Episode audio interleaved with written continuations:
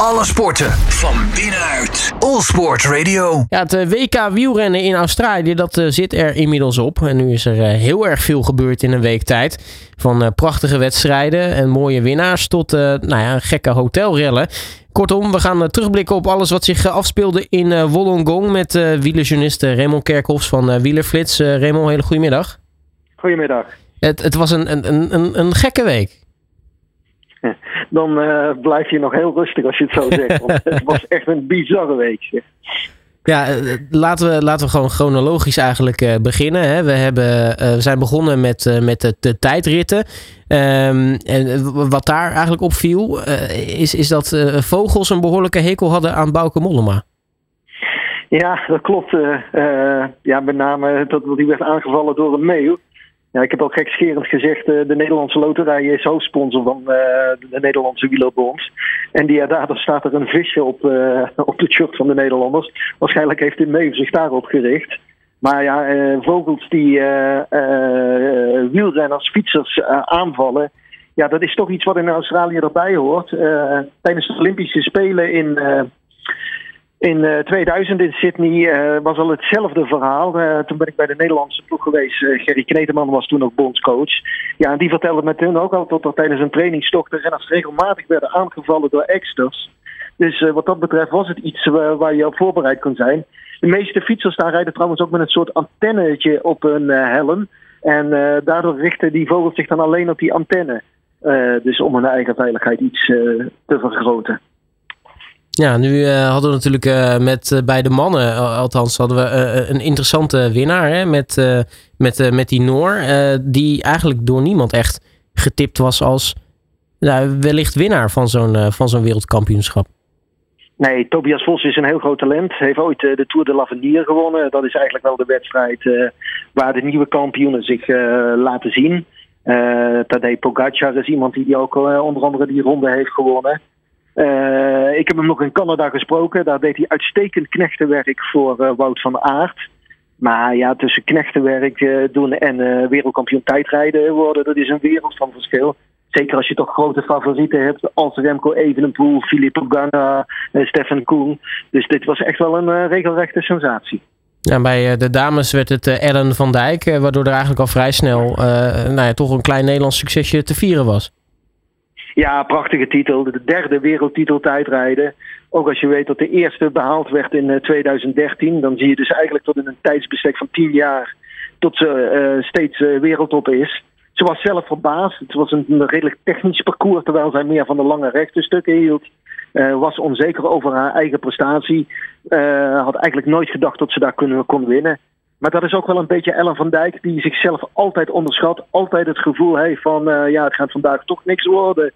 Ja, en dan blijkt er toch eh, enorm veel power in haar benen te zitten. En dan eh, kregen we op de woensdag eh, toch, toch altijd een, een, een ja, het is, het is vrij nieuw natuurlijk het, het, het, het, event. Wel heel erg leuk, de, de mix relay. Waarbij dus eigenlijk een soort van ploegentijdrit met, het met, met mannen en vrouwen tegelijkertijd. Ehm, nu was eigenlijk Nederland, als je keek naar de opstelling, toch wel een van de, van de favorieten. Maar ja, het ging al vrij snel toch, toch mis. Ja, ja, het ging eerst mis eh, tot de ketting van uh, Bauke Mollema, tot, tot daar iets misliep. Waardoor ze nog met twee mannen eigenlijk de afstand moesten overbruggen. Ja, vervolgens geeft ze het stokje door aan de, de vrouwen. Ja, en daar ging het eigenlijk na 50 meter al mis. Ook omdat er iets mis was met het schakelsysteem en de ketting vastliep in mijn ogen. En dat heb ik ook van genoeg kenners gehoord. Eh, bij Annemiek van Vleuten en die daardoor hard ten val kwam. Ja, ja, en toen was Nederland echt definitief uitgeschakeld. Ja, en dan eh, is iedereen in mineur, want eh, nou ja, elleboogbreuk, eh, Annemiek van Vleuten.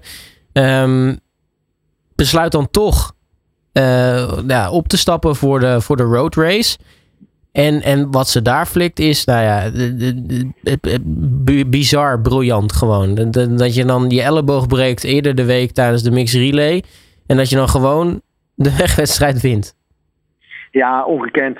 Eh, kijk, dat, ik denk niet dat het eh, echt een hele breuk is geweest. Ik denk meer dat het een basje is geweest. Want anders eh, is het echt onmogelijk om te fietsen. Maar je zag aan haar dat ze toch enorm veel last ervan had. Eh, ze stond nauwelijks op de pedalen. eh, op de plek waar ze normaal het verschil maakte, eh, bergop. kwam ze nu in problemen als andere meiden aanzetten. Dus het was wel duidelijk dat die elleboog echt een, een grote negatieve rol voor haar speelde. Ja, en uiteindelijk alles viel samen. Dus eigenlijk hoe je het kunt samenvatten de vijf uh, aanvalsters, uh, de groep die daaraan aan het achtervolgen was, maar ook dat Marianne Vos net niet in die groep zat. Waardoor zij gewoon in die tweede groep in het laatste wiel kon blijven zitten en niks hoefde te doen. Nou, op 1,2 kilometer komt dan de samensmelting tussen de vijf op kop en de groep van Annemiek. Ja, en dan weet ze, dat weet eigenlijk iedereen dat ze één kans heeft. En dat is drop en droog om meteen te gaan. Ja, en dan tot ook nog niemand reageert. Want een, Lotte Kopecky die had natuurlijk altijd meteen moeten reageren als je voor een wereldtitel wil gaan. Ja, ik, ik was een beetje verstond of verstond van dat iedereen verbijsterd was tot Annemiek daar nog kwam. Maar dat was haar enige kans en je wist dat ze dat nog zou doen. Maar hoe zij met haar fysieke ongemak die wereldtitel heeft veroverd, ja, ongekend echt een sprookje. Ja, want uh, Lotte Kopecky was ook uh, van tevoren een van de dames die uh, eigenlijk kritiek had hè, op het feit dat Annemiek van Vleuten zou gaan opstappen. Um, wat dat betreft heeft Van Vleuten toch haar nou ja, de, mond gesnoerd. Ja, maar daar komt weer het verschil in tussen een elleboogbreuk en een barsje in de elleboog. kijk, als er een breuk is dan, is, dan denk ik ook echt dat het onverantwoord is op te rijden. En bij een barsje, ja, dan kan dat dus wel. Dan is het wel heel pijnlijk, maar dan valt het weer mee. Maar ja, het was inderdaad heel symbolisch tot Kopecky er iets van heeft gezegd. En tot zij nu als nummer twee eh, toch eh, vanaf het podium links omhoog moest kijken naar Annemiek van Vleuten. Ja, nu uh, was het uh, natuurlijk Hosanna voor uh, Annemiek van Vleuten. Maar ze heeft geloof ik nog wel wat, wat boetegeld hè, moeten, moeten afdragen. Want het shirtje was niet goed, sokken te hoog. Ja, en dat is iets waar, waar we eigenlijk niet echt hebben bij stilgestaan. Want voor hetzelfde geld had de jury haar uit de wedstrijd kunnen nemen voor deze feiten. Dat klinkt dan heel uh, knullig. Maar ja, regels zijn regels. En ja, dit is toch iets waarvan je kunt zeggen van heeft de Nederlandse wielerbond daar wel attent genoeg op gereageerd? Want je moet wel zorgen dat al je rensters uh, goed uh, aan de start staan. Hè? Ja, nee, dat is uiteindelijk, uiteindelijk wel waar. Uh, ja, en over attent reageren gesproken. Het, het, het hotelverhaal van Mathieu van der Poel. Wat, wat, wat op zichzelf staand eigenlijk al een gek verhaal is. Maar het, het, het, het heeft echt voor. Nou, ik heb het eigenlijk nog nooit meegemaakt. Eigenlijk, laat ik, laat ik het zo zeggen. Ik, ik weet niet of jij wel eens zo'n situatie hebt, hebt meegemaakt met, met sporters. Maar dit is toch wel een vrij bizar verhaal. Ja, zeker tot de, tot de vooravond juist van een WK gebeurt. Maar dit is ongekend. En ja, ik kan me best wel voorstellen. Het beste van Matje vertelde dit vijf minuten voor de start in de camper uh, tegen zijn ploegmaten. Ze hadden er niet eerder naar buiten willen brengen, zodat iedereen de focus uh, nog volledig op die wedstrijd kon houden. Ja, en al zijn ploegmaten, Mollema, Eenkoren, ze reageerden allemaal hetzelfde. We dachten dat Matje een grap aan het maken was. En ja, dat is ook het eerste gevoel wat je krijgt van dit kan niet waar zijn. Maar het is helaas toch waar gebleken. Ja, want uh, hij had, uh, nou ja, sowieso, hij had zich een beetje afgezonderd van de rest van de ploeg. Hè? Want hij dacht van, uh, nou ja, een beetje snotterig, dat soort dingen. Ik, mocht ik dan corona hebben, wil ik mijn ploegmaten niet, niet besmetten, zo op zo'n belangrijk toernooi.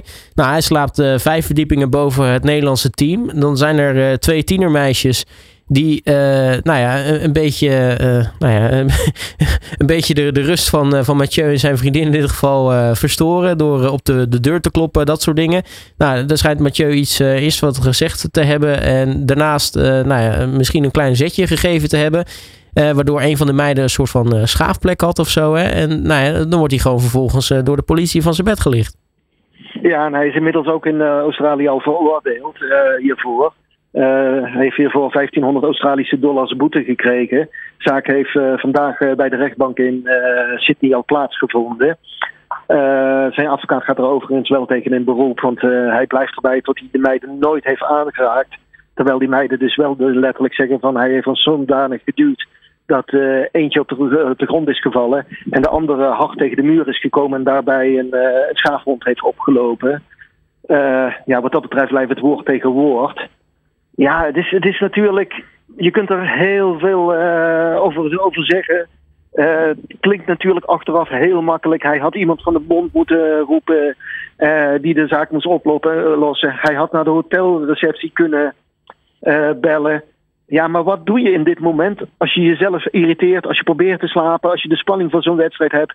ja, ik kan me best wel voorstellen dat je dan zelf uit bed gaat en denkt van ja, ik, ik schreeuw eens twee keer en dan zijn ze wel stil. Uh, als het daarbij is gebleven, dan heeft hij ook goed gehandeld en valt hem helemaal niks kwalijks te nemen.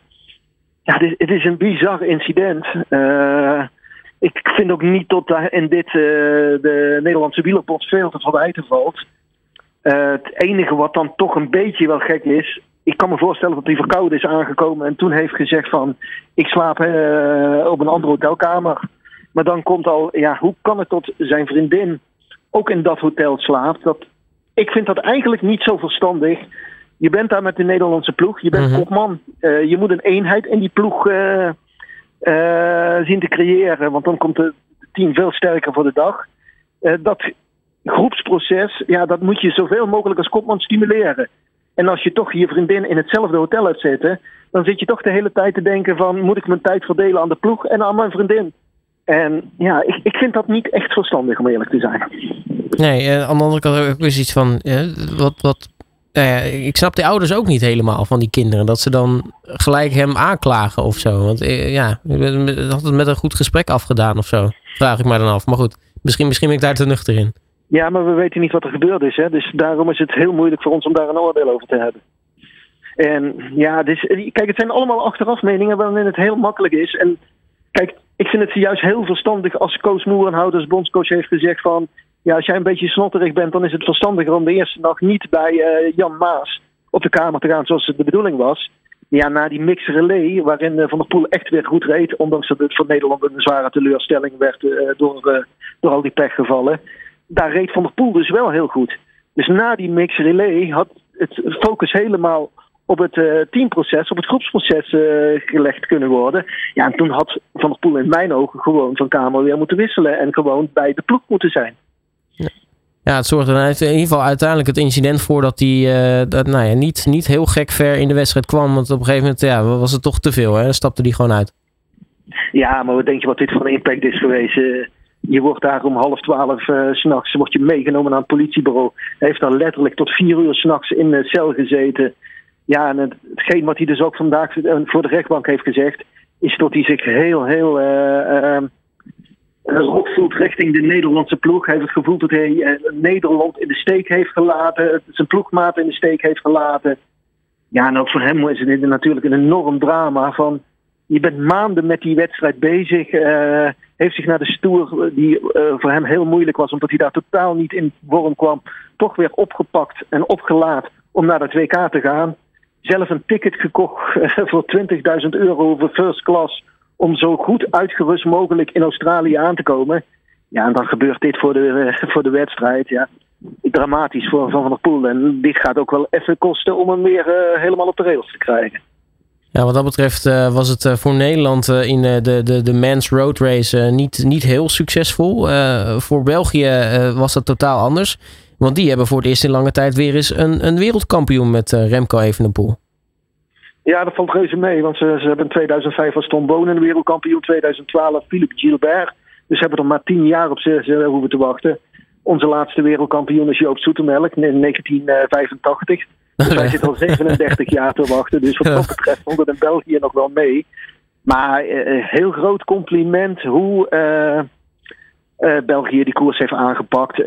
na eigenlijk het incident tussen de kopmannen vorig jaar, Wout van Aert en Remco Evenepoel, die niet echt samenwerkten, hebben ze zich nu echt als een team uh, laten zien. Heel sterk voor de dag gekomen, altijd uh, de wedstrijd onder controle gehad. Ja, wat Evenepoel heeft laten zien, uh, 22 jaar. Dit jaar Luik, Bastenaken, Luik winnen, Ronde van Spanje. En dan op het WK eh, op 32 kilometer voor de streep eerst met Lutsenko in de aanval gaan. En dan op 25 kilometer van de streep de Kazak nog achter zich laten en dan aan zo'n solo te beginnen.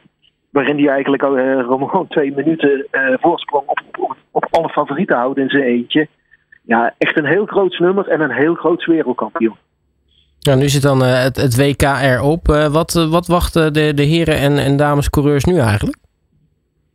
Ja, de, na het WK is altijd een beetje het einde van het seizoen. Je hebt dan nog een mooie eigenlijk serie Italiaanse wedstrijden met de Ronde van Lombardije als hoogtepunt vind dat eigenlijk nog wel de belangrijkste wedstrijd die de komende uh, weken zeg maar, op het programma staat. andere wedstrijd, maar die is de laatste jaren, vind ik, een beetje gedegradeerd. Maar ook een prachtige koers, dat is Parijs Tours. Ja, dat zijn eigenlijk wel een beetje de hoogtepunten die nu nog te wachten staan dit seizoen. Een beetje de, de, de ja, bekende najaarsklassiekers, toch? Ja, zo mag je het noemen. Ehm, maar kijk, om de waarde echt helemaal in te schatten. Wout van Aert die gaat nu een vakantie vieren in Australië en die rijdt geen enkele wedstrijd meer. Ja, dat zegt eigenlijk al genoeg van renners die absoluut 100% top op het WK willen zijn, maar hierna in de remmen knijpen. Ja, dan, als, je, als je echt zo lang aan die vorm hebt toegewerkt naar één wedstrijd, ja, dan denk je, normaal trek ik die nog even door na een paar koersen. Maar daar hebben ze niet meer de zin voor. En dat geeft ook een beetje aan dat die koersen toch ook niet zo groot meer zijn. Nou, we gaan in ieder geval uh, uh, genieten of nagenieten van een, uh, nou, een interessant WK, laat ik het zo zeggen. Rimmel Kerkhoffs van Wielenflits, mag ik je hartelijk danken voor je tijd en natuurlijk veel succes met wat komen gaat. Dankjewel. Alle sporten van binnenuit. All Sport Radio.